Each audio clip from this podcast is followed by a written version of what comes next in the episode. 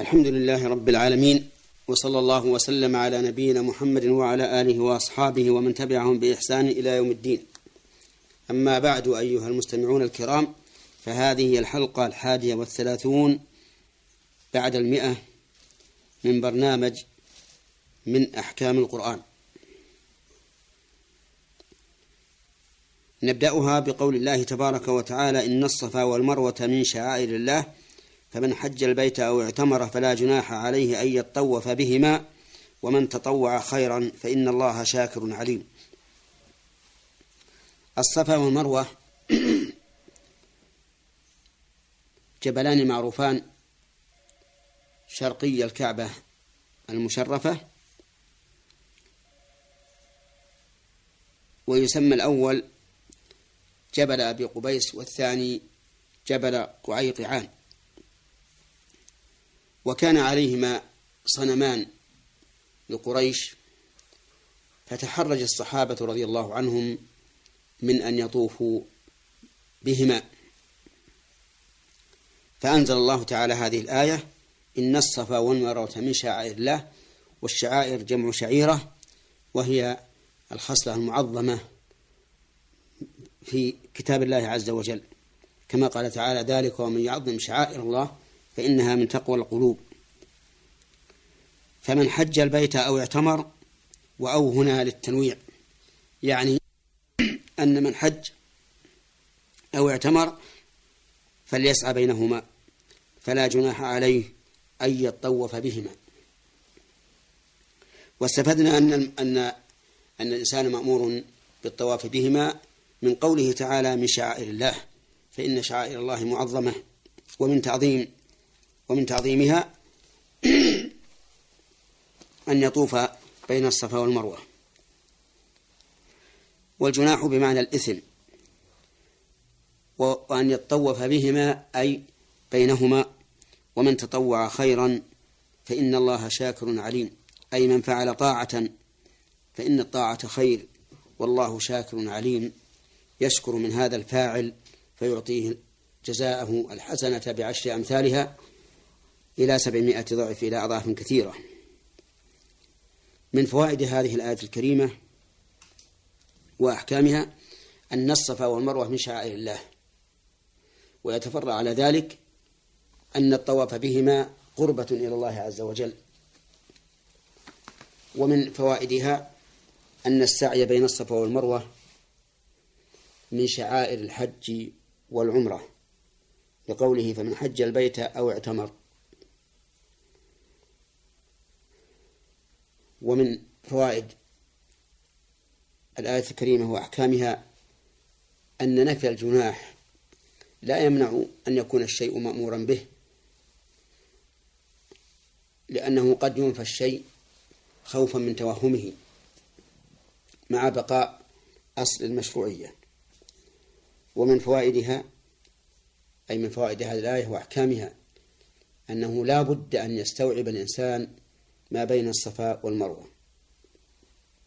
لقوله أن يطوف بهما ولا يمكن تحقق الطواف, بهما إلا إذا استوعب ما بينهما. ولهذا قال العلماء لا بد أن يستوعب الساعي بين الصفا والمروة ما بين الصفا والمروة.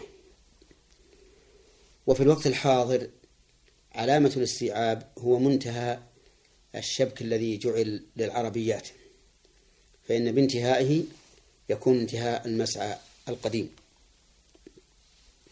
ومن فوائد الآية الكريمة وأحكامها الحث على فعل الطاعة لقول الله تعالى ومن تطوع خيرا فإن الله شاكر عليم. ومن فوائد الآية الكريمة إثبات هذين الاسمين من أسماء الله وهما الشاكر والعليم. وإثبات ما تضمناه ما تضمناه من صفة وهي الشكر والعلم. ولكن لا شكر إلا على فعل محمود. فالله تعالى يشكر من فعل ما يقرب إليه ويرضيه. ثم قال الله تعالى إن الذين يكتمون ما, ما أنزلنا من البينات والهدى من بعد ما بيناه للناس في الكتاب أولئك يلعنهم الله ويلعنهم اللاعنون إلا الذين تابوا وأصلحوا وبينوا فأولئك أتوب عليهم وأنا التواب الرحيم. هاتان الآيتان في من آتاه الله تعالى علما فكتمه. توعده الله تعالى بهذا الوعيد الشديد أن الله يلعنه ويلعنه أيضا اللاعنون. وهذا كقوله تعالى أولئك عليهم لعنة الله والملائكة والناس أجمعين. إلا أن الله تعالى استثنى من تاب وأصلح وبين ووعد من قام بذلك أن الله يتوب عليه وأن الله سبحانه وتعالى هو التواب الرحيم. فمن فوائد الآيتين وأحكامهما تحريم كتم ما أنزل الله من البينات والهدى وأنه من كبائر الذنوب لأن الكاتم مستحق للعنة الله ولعنة اللاعنين. ومن فوائدهما علو الله عز وجل لقوله ما أنزلنا من البينات والهدى.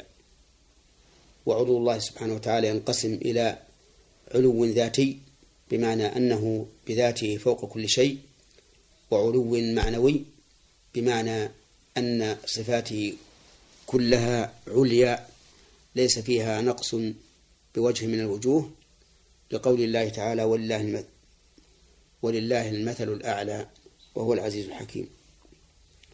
ومن فوائد هذه الآية وأحكامها أن ما أنزله الله عز وجل فإنه بيان للناس وهدى. وهذا كقوله تعالى في وصف القرآن.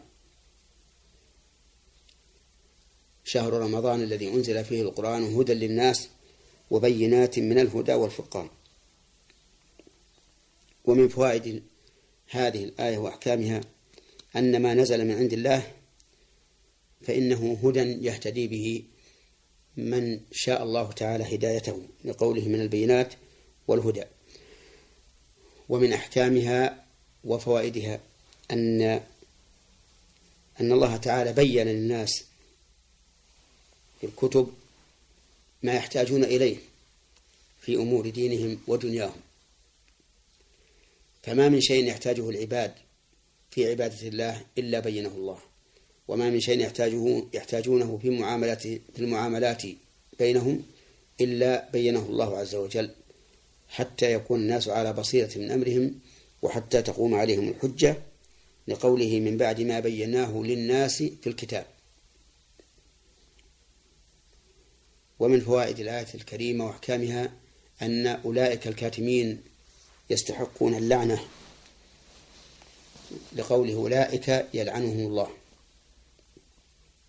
ويلعنهم اللاعنون ويترتب على ثبوت اللعنة لهؤلاء أنه يجب على أهل العلم أن يبينوا للناس ما أنزل الله تعالى من العلم ولا يكتموا شيئا منه مداهنة أو أو محاباة لبعض الناس. وإلى حلقة قادمة إن شاء الله لنكمل الكلام على هاتين الآيتين.